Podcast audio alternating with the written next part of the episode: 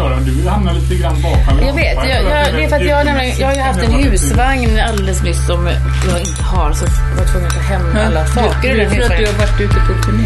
Jag har varit på turné, så slutade den väldigt sorgligt. Och så fick jag ta med mig alla grejer hem. Så tanken på att ni skulle komma hit var eh, övermäktig faktiskt igår. För det var Fy vad jobbigt. Va? driva och grejer. Men jag har tryckt in allt på vinden. Men den här lampan, jag vet inte vad den den kanske upp på vinden. Men kändes det bättre sen när det liksom hade gjort? Nej, Men fick du veta som kom? ja det blev jag glad för att du skulle komma. För du vet inte riktigt vem som ska komma. Eh, jo, vi pratar ju om det. Men vi kan låtsas som vi säger sen. Jag visste inte att det var du. för bättre drama. Men är det bra? Ljudet är bra, allt bra. Ska vi börja då? Jag tycker det. Men då, då eh, säger vi välkommen till Nina Bondesson som är en konstnär. Konststjärna. Mm. Konststjärna. Ja, eller? Stella Jag tycker det är så tråkigt när man säger att kvinnor är bara är konstnärer. Jag vill ska något mer. Jag blev överraskad bara. Jag har inte tänkt på Nej. mig så, som en konststjärna. Hur tänker du på dig själv då? Jag tänker, eh, jag tänker mig på mig själv som att jag är en liksom, idogt arbetande, eh, rätt lat men liksom nödd och tvungen som man bara jobbar på liksom ändå. Eh, I mellanskiktet liksom, tillsammans med jävla massa eh, intressanta och skojiga kollegor. Att det liksom är ett sånt Äkta Spåman Podcast. Presenteras av det magiska klädföretaget Elvine. Men en sak kanske man ska säga också, som jag kan berätta som en hemlig parentes. Det är ju att du är den första liksom, konstnären som jag när jag var ung. För jag gick i gymnasiet tillsammans med din dotter ett halvår kanske. Vi gick tillsammans tror jag. Fan. och då berättade hon om, om sin mamma då och det var du. Vi träffades aldrig då men då beskrev hon ju att du och din man var konstnärer. Och att jag tänkte att men det är ju inte klokt. Så här, att, kan det människor leva som konstnärer? Eh, och då ville jag ju bli konstnär efter, eller liksom, Åh, då fan. det såddes ett frö i mig. Jag tänkte man kanske kan bli konstnär. För att du var liksom den första människan jag hörde talas om som Ja, men förutom så Som- Picasso eller något sånt där. Men, Ja, just det, Så, just det. Och då var det efter Picasso var det Nina Bondesson som var konstnär. Jag hade hela tiden en plan B. Jag ville inte bli konstnär från början. Optiker skulle jag bli då. Men det är ju ofta Det- med glasögon på dina bilder eller? Det kan nog finnas några lite glasögon på liksom där någonstans. Men Jag tror att det handlar om se, att se. Har jag tänkt. Eller har jag kokat ihop en historia. Alltså, alltså seendet, det där att, att få in. Alltså jag är ju väldigt närsynt. Ja. Jag har alltid tyckt om det väldigt mycket, att vara närsynt. Alla mina stackars generationskamrater håller på så här och så ser de inte liksom, de kan inte läsa små saker, texter. Jag får hjälpa, hjälpa dem i affärerna och läsa vad det står på burkar och sånt. Det är en supertalang som du har. Ja, det är en superkraft kan man säga. Faktiskt. Alltså, jag blir alltid så jädra förvånad när folk pratar om liksom, att det går att operera. Liksom. Och så, man skulle lägga sig under en laserstråle och ta bort den kraften liksom, i det. Jag, inte, jag, kan ju sitta och sy, jag sitter och skär mina linoleumsnitt. det- Men det kanske vi ska berätta också. För det kanske lyssnar någon här som inte Mm. känner till ditt konstnärskap. Och det är att du, du målar Mm. och sen så broderar du också. Ja, och gör grafik. Och grafik. Mm. Men det här med, med textilkonsten, då möttes ju du och jag igen när du var Ja. professor på min skola. Där, Ja. där jag skulle bli textilkonstnär, som jag inte blev. Nej. Man kan ju ta upp det kanske. Ja, ja det. Men, så, men säger du att du är textilkonstnär också? Nej, för att, nej, det gör jag ju inte för att jag är inte utbildad där. Inom det textila är jag ju liksom självutbildad, så att säga, autodidakt, självlärd.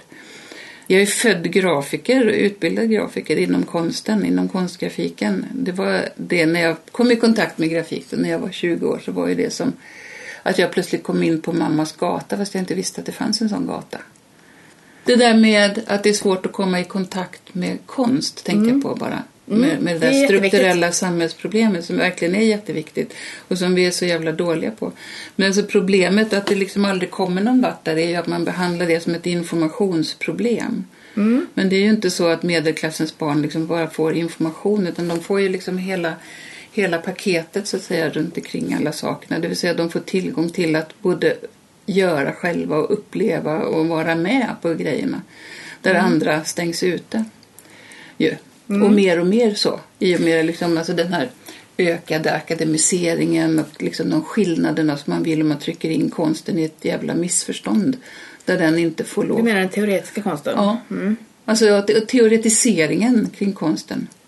För den är ju du emot, Ja. tycker jag. Eller det vet, vet jag eftersom jag följer dig Ja, på internet. Mm. Men, men den känns som den är väldigt populär ju. Så, eller alla vet. Ja, den alla dominerar, den dominerar liksom väldigt. Teoretikerna har kommit, tagit över liksom alldeles, de har alldeles för mycket makt. Ja, för mycket Jag text. kom, på, jag kom på vad de liknade, eh, alltså den teoretisering med te- konstteoretiker och kuratorer och så, att de är liksom en sån här invasiv art. De har pratat så mycket på radion senaste tiden om invasiva arter.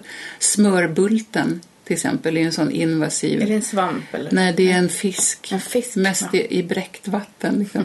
För jag tänker liksom nästa gång som jag blir ovän med någon sån där så jag säga din jävla smörbult. Jag tyckte det var så himla bra namn. Mm. så. Du introducerar smörbulten nu som Jag ett begrepp. introducerar smörbulten som ett begrepp för konstteoretiker med för mycket makt. Men vi måste titta in i det Ja. förflutna. Tror du på magi? Nu har du aldrig blivit spådd. Det Vet alltså jag tänker så här med magi så tänker jag att vi lever i ett samhälle som tror så fruktansvärt mycket på magi och är ett extremt vidskeplig tid som vi lever i. Men där magin utpekas, talas om som om den är fullkomligt eh, rationell och ingår i förnuftssfären liksom. Jag menar börshandel, banker som tillverkar pengar av luft. Det är väldigt mag, mycket magiskt tänkande där liksom så hola mola liksom nu ska, har vi funnit en oljefyndighet tre mil ner under isen i Antarktis, den kan vi låna pengar på. Det är så, ingen vet hur man någonsin, om man någonsin kommer att kunna gräva upp den där, eller komma åt den där oljan som borde verkligen få ligga där och inte störa allting annat. Men ändå så finns det banker som, som tar det som en säkerhet för pengar. Så den där pengatillverkningen, alltså en, en utopisk ständig tillväxt. Men det är som du är en liksom- anarkist då nästan. Ja. Jag kanske är det. Kanske är det. Jag är i alla fall, jag är i alla fall väldigt... Jag är ju, jag är ju med i Vänsterpartiet. Ja. Där, Men det måste du väl vara som konstnär eller? Ja, man måste ju inte vara pa- partipolitiskt ansluten men jag, jag, gjorde det när, när SD kom in i riksdagen. Så gick jag med i Vänsterpartiet för jag tänkte att det, då tynger det åtminstone lite där åt det hållet.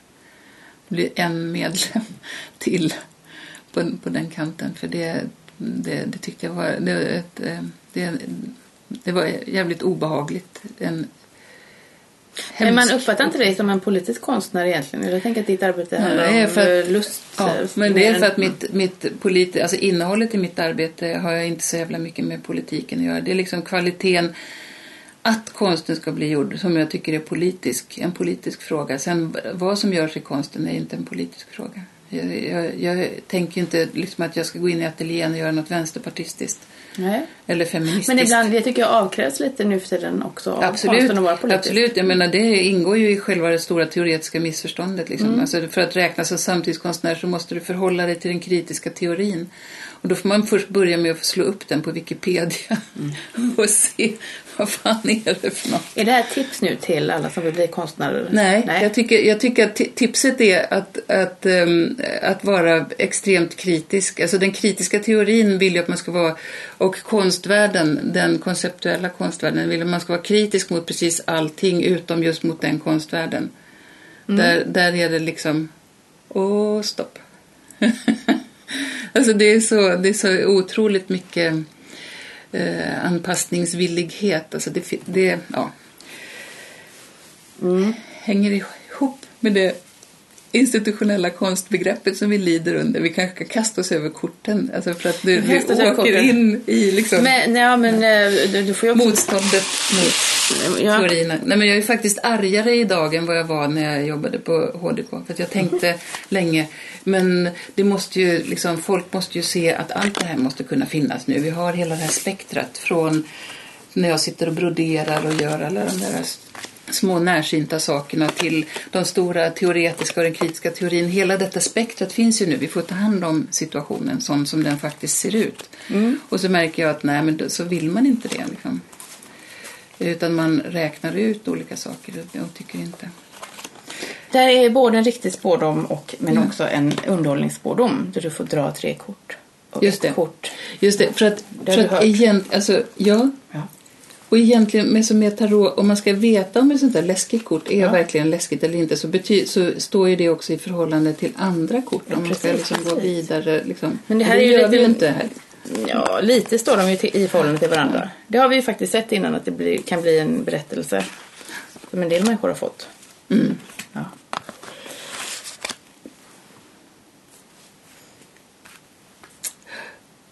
Ska jag göra det nu? Nu får du dra ett kort för det förflutna. Och ditt kort är döden. Det kanske du tänker var läskigt då eftersom du...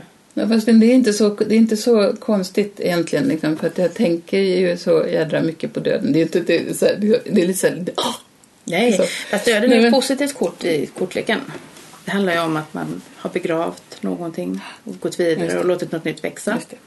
Jag, eh, jag, har, jag sysslar ju mycket med döden. Mm. Alltså, Ditt arbete är mina- mycket, ja, ändå berättelserna väldigt, finns mycket väldigt död. mycket, mycket döden. Det är det verkligen. Vad är ditt intresse för döden då?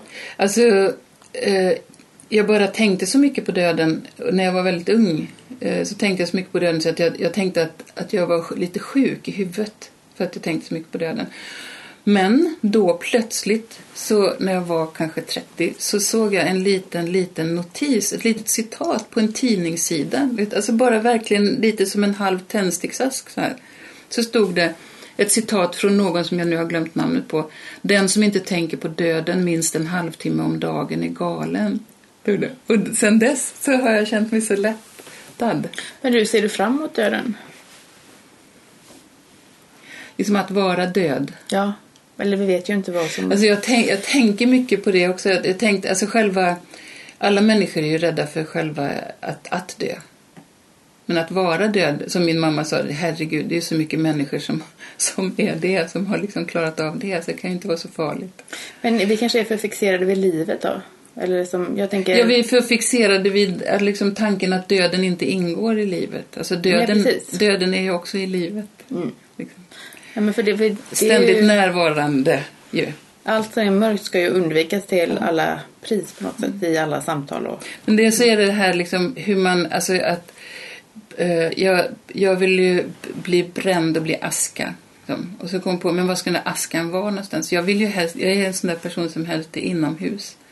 Och så tänkte jag, så är man tvungen att bli en sån där friluftsaska. men dina barn slut. kanske kan ha det hemma i någon I någon urna. Ja, visst, det, alltså det hade varit favoritplatsen att få stå i någon, någon urna, någon kruka liksom. Mellan två väldigt bra Men kan det bli böcker. ett konstverk då som du gör? gör Nej. nej. Alltså in- inget sånt. Nej. Jag kommer, jag kommer ihåg att, att, att eh, min mamma var orolig att jag skulle bli galen. Det var, det var hon lite orolig för. Så att jag måste väl ha... Jag måste väl. Så det var någon som du tog upp hemma då som kändes obekvämt för Nej, din hon familj? tyckte, att jag, hon tyckte att jag var så lik min, min faster som alla tyckte var galen. Hon- Att hon var, alla sa det. Förmodligen så sa ju de det på ett sånt där sätt. Ja, men hon är ju helt galen. Liksom. Alltså som att det inte handlade om att, inte riktigt så här sinnessjukdom. Ja, hon var kommunist. Och det var också lite, väldigt, för min mamma väldigt nära sinnessjukdom. Mm. Är din familj borgerlig? Ja, min mamma och pappa var det. Mm. Så då har du gjort lite upp... Då har du ju egentligen gjort Ja, uppror. jag var ju, var ju tvunget. Var tvunget. Mm. Men gjorde dina syskon uppror?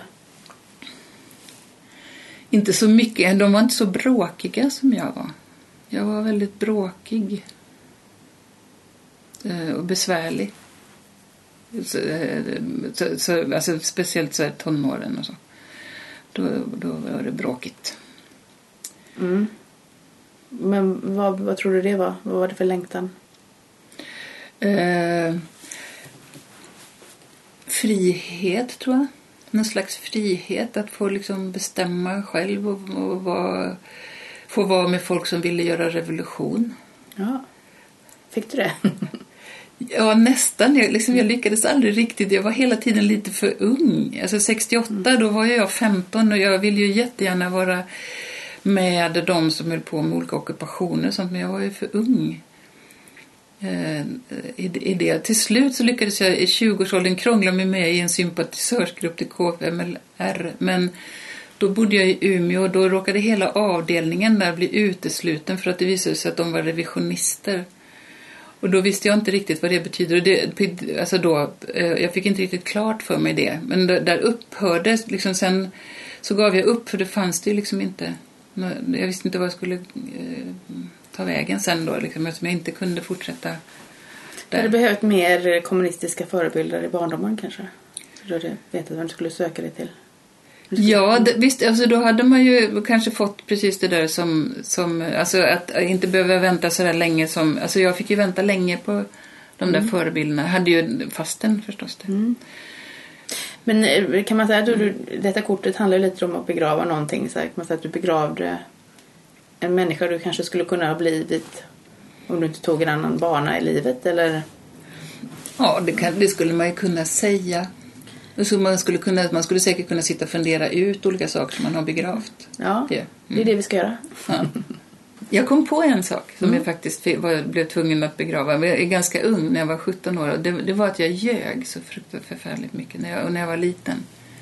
Att jag ljög jättemycket. Och Det blev, ju äldre jag blev, desto besvärligare blev ju det. Liksom.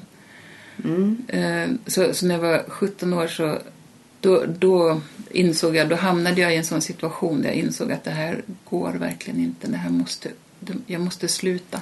Men det var så mycket berättelser, historier och dramatik. Alltså det är det ju ofta i, i unga människor.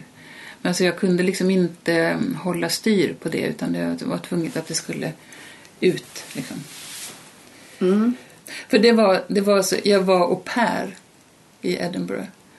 Och så var jag väldigt förälskad i en kille som bodde på en liten läskig mörk bakgata. Eh, han bodde i ett litet kollektiv där. Och de var såklart som vanligt liksom mycket äldre än, än mig. Så de var ju sådär kanske 23 och 25 kanske till och med. Och så. så att jag var ju lite skraj för hans kompisar. Men jag väntade, han var på väg, det var en söndagkväll för att han var, då detta var Edinburgh, han var i Glasgow på helgerna och så kom han tillbaka till Edinburgh och så väntade jag där på söndagskvällen och så var det lite läskigt att stå där på den här mörka bakgatan. Så då tänkte jag att jag skulle gå upp eh, där. Så vågade jag liksom inte bara vara där i den här läskiga trappuppgången heller. Och jag vågade inte ringa på dörren och säga att jag ville liksom säga hej till dem. Vågade jag ju inte för de var ju så himla stora. Några, några gick på universitet, eh, du vet. Så tänkte jag, men om jag bara ringer på dörren och så svimmar jag liksom bara in genom dörren. Att jag bara så dråsar in genom dörren. Då kommer de att känna igen mig och då kommer de bara bära in mig och lägga mig på hans säng. För jag hade ju varit där förut och gått. Han hade liksom rummet innanför köket så jag hade liksom hej hej och så, så, och så försvunnit in där. Med det.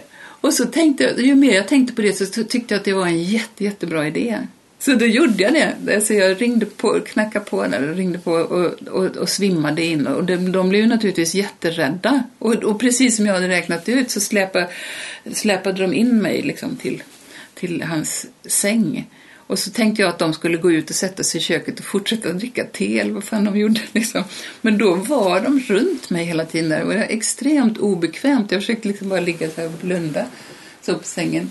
Och då så pratade de så här upprört, men vi måste ju göra något. Liksom. Du får ju göra något. Du läser ju för fan liksom, mediciner. Det var någon där som kunde något. Liksom. Och då var det plötsligt någon som liksom, öppnade mitt, mina ö, mitt ena öga, så drog isär ögonlocken och så var jag tvungen att titta på alla de här människorna liksom, som stod där runt sängen och så tittade han i det andra ögonlocket och så sa han på sån här skotsk dialekt liksom, i don't know what she's playing at, but she's not fainted.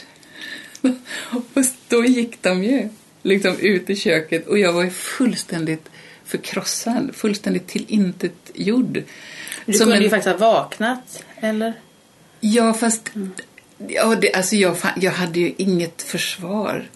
Jag hade ju inget försvar och jag var ju inlåst där. De satt ju sen ute i köket. Och jag låg där jag ville, ju- jag ville ju verkligen, alltså svimma var det lindrigaste jag ville göra. Alltså, jag, då, efter, då var jag ville jag dö bara. Jag hade ju liksom, jag bara liksom eh, skämdes ju ihjäl. Och efter den, efter den historien så, så bestämde jag mig för liksom att, att allt sånt där måste upphöra. Liksom. Det måste verkligen, verkligen upphöra inget sånt ljuga. Jag visste inte vad jag skulle göra av de där berättelserna. Jag, hade inte, jag, jag, jag tänkte att jag skulle bli författare. Eh, Författare får ju skriva och ljuga och få betalt och sådär för det till och med. Men jag kunde liksom inte hålla en röd tråd. Jag försökte lite grann att göra någon berättelse men det, de, de stack iväg. På, de var oregeliga liksom. Så det var först i 20-årsåldern sen som jag upptäckte att, att bilder kunde hålla berättelser.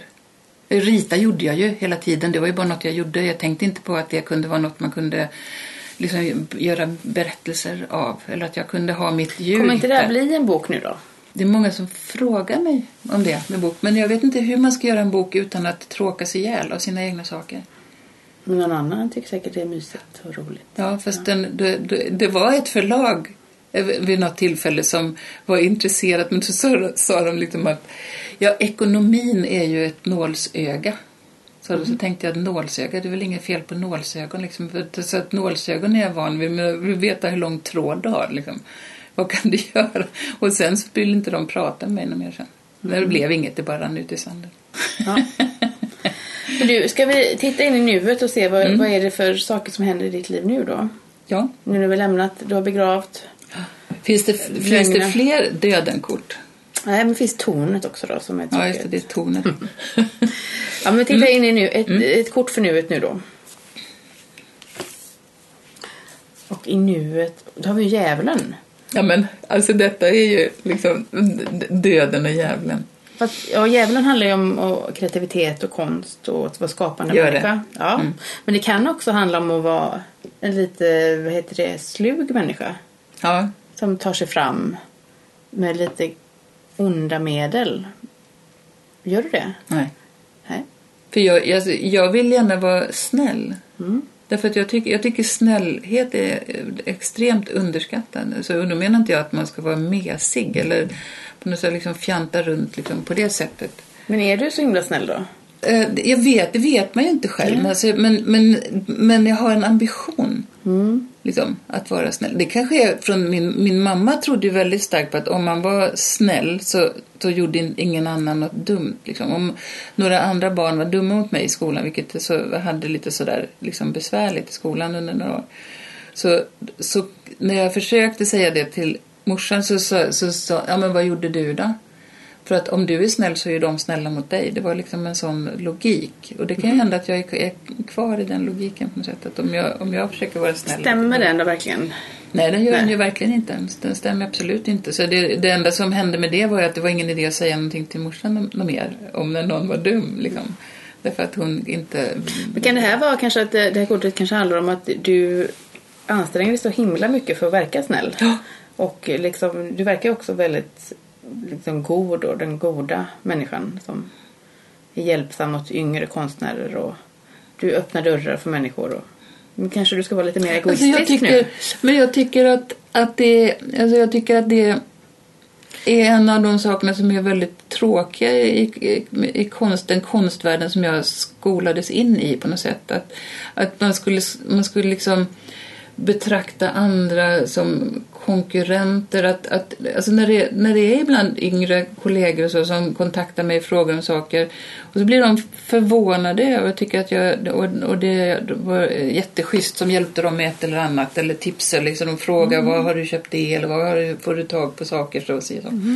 Så, så blir de förvånade för att det verkar som att de förväntar sig liksom att folk inte ska säga. Jag hade ju lärare i konsten som inte ville tala om saker som de kunde. Hur gjorde du det där? Tror du att jag tänker tala om det? Tror jag är så dum så jag tänker tala om det för dig?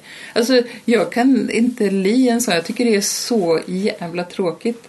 Det är så ointressant och tråkigt när det finns så himla mycket som man kan dela Men vi- nu och tolkar vi ju egentligen- liksom. Är, är det, Jag djävulen kanske inte är så jävla jag, dum som men jag tycker inte det. Jag tycker att det kortet handlar mycket mer om liksom skapandet och vara Mm. kraftfull i sin kreativitet och sådär. Ja. Men en sak jag kanske har en lite naiv Ja, förståelse Du av djävulen. Alltså, precis, du vill genast tänka jag att värjer mig och säger att nej men jag är inte Men du har ju en tatuering på armen tänker jag. Som eh, precis är detta, på kortet djävulen då, eftersom detta är en podd så ser man ju inte. Men då är det ju en bock med Ja. eh, stora horn. Och det har ju du faktiskt på din arm. Ja. Ja. Men detta är, detta är eh, min dotter Bianca som har tatuerat. Och Bianca sa att detta är en återupprättelse. Hon tycker att geten har blivit baktalad och liksom så eh, beha- skändligt behandlad genom historien. Så att detta, detta är liksom en eh, återupprättelse. Men han har ett litet lurigt leende och jag tror att hon sa det för att lugna mig. Mm. Hon jag- gav dig den då för att hon ville att du skulle få ett skydd då? Ja, jag vet inte, jag får, jag får fråga henne. Alltså där, för, för att... Men i nuet kan vi säga att du går jämte djävulen, eller det som är djävulskortet här. ja, uppenbarligen. men också att du kanske, detta kortet uppmuntrar dig till att vara Men- lite mer egoistisk, ta lite kan mer... det, eh, kan det också vara där liksom, alltså att, att till exempel att jag nu eh, säger, liksom spelar in på band att jag är så trött på de här teoretiseringarna. Att jag är så, Men nu när, vi, när Annika von Hausdorff här, hon pratade ju också om att hon var trött på teorin. Jag tänker att det är liksom, tänk om alla går runt och är trötta på teorin men att alla bara tror att det är så vi måste förhålla oss. ja, eller, alltså jag inte- kan ju inte gå till HDK och säga till studenterna på HDK, jag är på HDK, de senaste fem åren har varit på HDK regelbundet en hel dag och två halvdagar där jag träffar de som går första året, andra terminen på första året. Det är väldigt roligt. Eh, Jag uppskattar jättemycket de samtalen. Det har varit väldigt öppna och ivriga samtal om saker och ting. Alltså jag kan ju inte säga till dem att det där med teorierna det kan ni ta och strunta i. Det kan jag ju inte säga för att det är ju så det ser ut liksom. Men jag kan säga att man, man behöver inte hålla med. Nej. Jag kan, jag kan säga att jag är i opposition till det. det Nej, men om du inte kan formulera dig så har du ju inte någon riktig chans att ta det fram. Nej, Nej. Det, det, det är svårt Ja. det, med det. Det är väldigt svårt. Du inte det, ens fylla i det här konstnärsnämndens papper. Är ju, kräver ju en... Ja. Nej, men det, det är, alltså, vi lever ju i en tid som, som har utvecklat en sån vidskeplig övertro på teoretisk analys, på vår förmåga till överblickbarhet, liksom, eller överblick och kontroll och så, effektivitet. Liksom, allting ska vara liksom, mätbart och kontrollerbart på ett liksom, effektivt sätt och så. Det är, det är fullkomligt barockt och det är därför vi är så teoriintresserade. Därför att, teo, att teoretisera är ju att ordna system av tankar.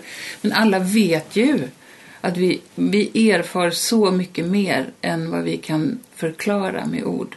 Och där är ju konsten, öppnar sig ju för oss med sina alla tänkbara möjligheter liksom, att göra saker. Som det, liksom, att gestalta erfarenheter som inte går att förklara med ord. Då kanske du förklarade kortet djävulen av dig själv nästan. Vad bra! Det här, det här, var, det här var ju precis det, väldigt som jag var lite, var lite rädd för. Liksom, att jag kommer, jag kommer att ta... Men om du får du tornet nu så då vet vi ju. Ditt öde är beseglat. Ska vi titta in i framtiden? Jag är jätterädd för att få det där tornet. Men, Men, du kan, du kan inte, du kan inte kämpa emot. Nej, jag vet. Och då kommer kortet ganglöshet in. Och det här kortet har jag ju fixerat mig i flera dagar men jag tänker att det är, så, det är ett så spännande kort. Det är ju ett stort svärd som Ja. attackeras av massa små svärd. Ja. Och då kan man ju fråga, vilket, vem är du? Så här, är du det lilla svärdet som, vad hette den där stenfisken eller som du pratade om förut? Smörbulten. Är det smörbulten du kämpar emot? eller är du liksom, är du det stora svärdet som alla de här små svärden kommer och attackerar och så är det ingen idé? Jag tror, inte, jag tror inte att det är någon mer än Trump som självklart skulle se sig själv som det stora svärdet, eller? Jag vet inte. Alltså, Men jag du kanske så- måste, tycker jag det- tänker liksom att du håller på med någonting som handlar om att du ska utkämpa en strid snart. Alltså du har ju väldigt tydliga idéer om vad du tycker och hur, ja, om, om konstens framtid bla bla bla. Och då kanske du måste liksom dra det här stora svärdet. Eller ska det vara det här lilla svärdet som står och och, och knackar på dörren och ja, säger sluta. Ja, men sluta nu då. Hyggla. Så det här kortet tror jag kan handla om, Men gagnlöshet. ja det är så himla det tråkigt ord. Gagnlöshet, det är lite, lite, Det är det är, lite så. Men jag tror, för, för jag har alltid tänkt att det var bara först att ja, det är hopplöst. Men jag Ja. tror snarare det kan vara hopplöst att ge sig på det. Kanske dina argument kanske är så starka att det är ingen idé. Mm. Så jag tänker att du får ta, välja när du får det här kortet Ja. helt enkelt. Vem ska du vara? Ska du vara det lilla svärdet eller det stora svärdet? Det finns ett ord i svenska språket som jag, som jag tycker är väldigt roligt och, och fint, som är oomkullrunkeligt. Ja. Det har du inte kommit på själv. Nej. Det, det, det är också ett sånt där gammalt ord som gagnlöshet. Alltså det uppfattar jag också som ett gammalt. Det är ett gammalt. Det är ju ingen som, jag träffar ingen som säger ja men det är gagnlöst. Jag förstår Nej. ju vad det betyder, liksom, att det är ingen idé. Liksom. Mm. Men vad betyder omkullrunklighet då? Oomkullrunkelig. Mm. Ja. Oomkullrunkelig betyder ju liksom då att, att man i så fall är det stora svärdet. Liksom, Mm. absolut inte. O, konstens oomkullrunkeliga berättigande. Mm. Tycker jag om att prata om. Men jag tror, eftersom detta är framtiden så kan vi inte säga exakt vad det kommer handla om. Utan Nej. jag tror bara att du kommer hamna i en situation där du måste kanske kliva upp. Det är som när Frodo får ringen och kastar den i vattnet. Eller vad gör han? Ja, alltså det, det, jag kan inte så mycket om Nej, heller. Sagan om ringen. idag. Sagan om ringen, vi lämnar det, referensen. Men vad tror du Håkan? Jag tror att du kommer vara oomkullrunklig i en strid Mm. I framtiden. Ja, det kommer att vara gagnlöst att Ja. ge sig på mig. Precis. Ja. Människor kommer komma med sina futtiga åsikter. Ja. Och då kommer du, för du har förberett dig. Jag vill att den, den, eh, det som jag skulle kunna ta strid för på Mm. ett idémässigt plan är att jag vill att den rådande hege- hegemonin inte ska vara så sträng utan att den ska vara mer öppen för eh, andra åsikter, mer demokratisk. Nu har du sagt detta och nu kan folk komma och ge sig på dig när du sa det. Typ, tärningen är kastad. det kan smörbultarna Smörbultarna precis.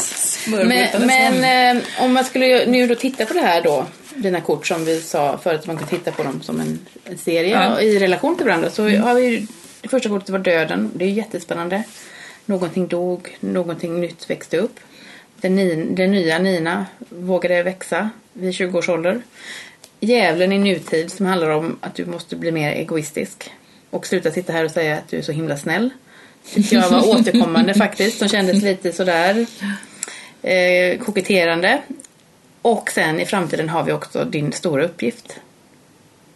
Just det. Just det. Och du är inte rädd när den kommer. Men du får ju dra ett kraftkort så du kan klara av den här stora uppgiften. Ja. Som du kan ha med dig ut i handväskan på cykeln så du inte ramlar. Okej. Nej, det behöver vi...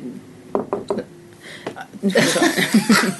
Nu Det går dra. inte att knacka ett jävla sten. Det är klart det gör.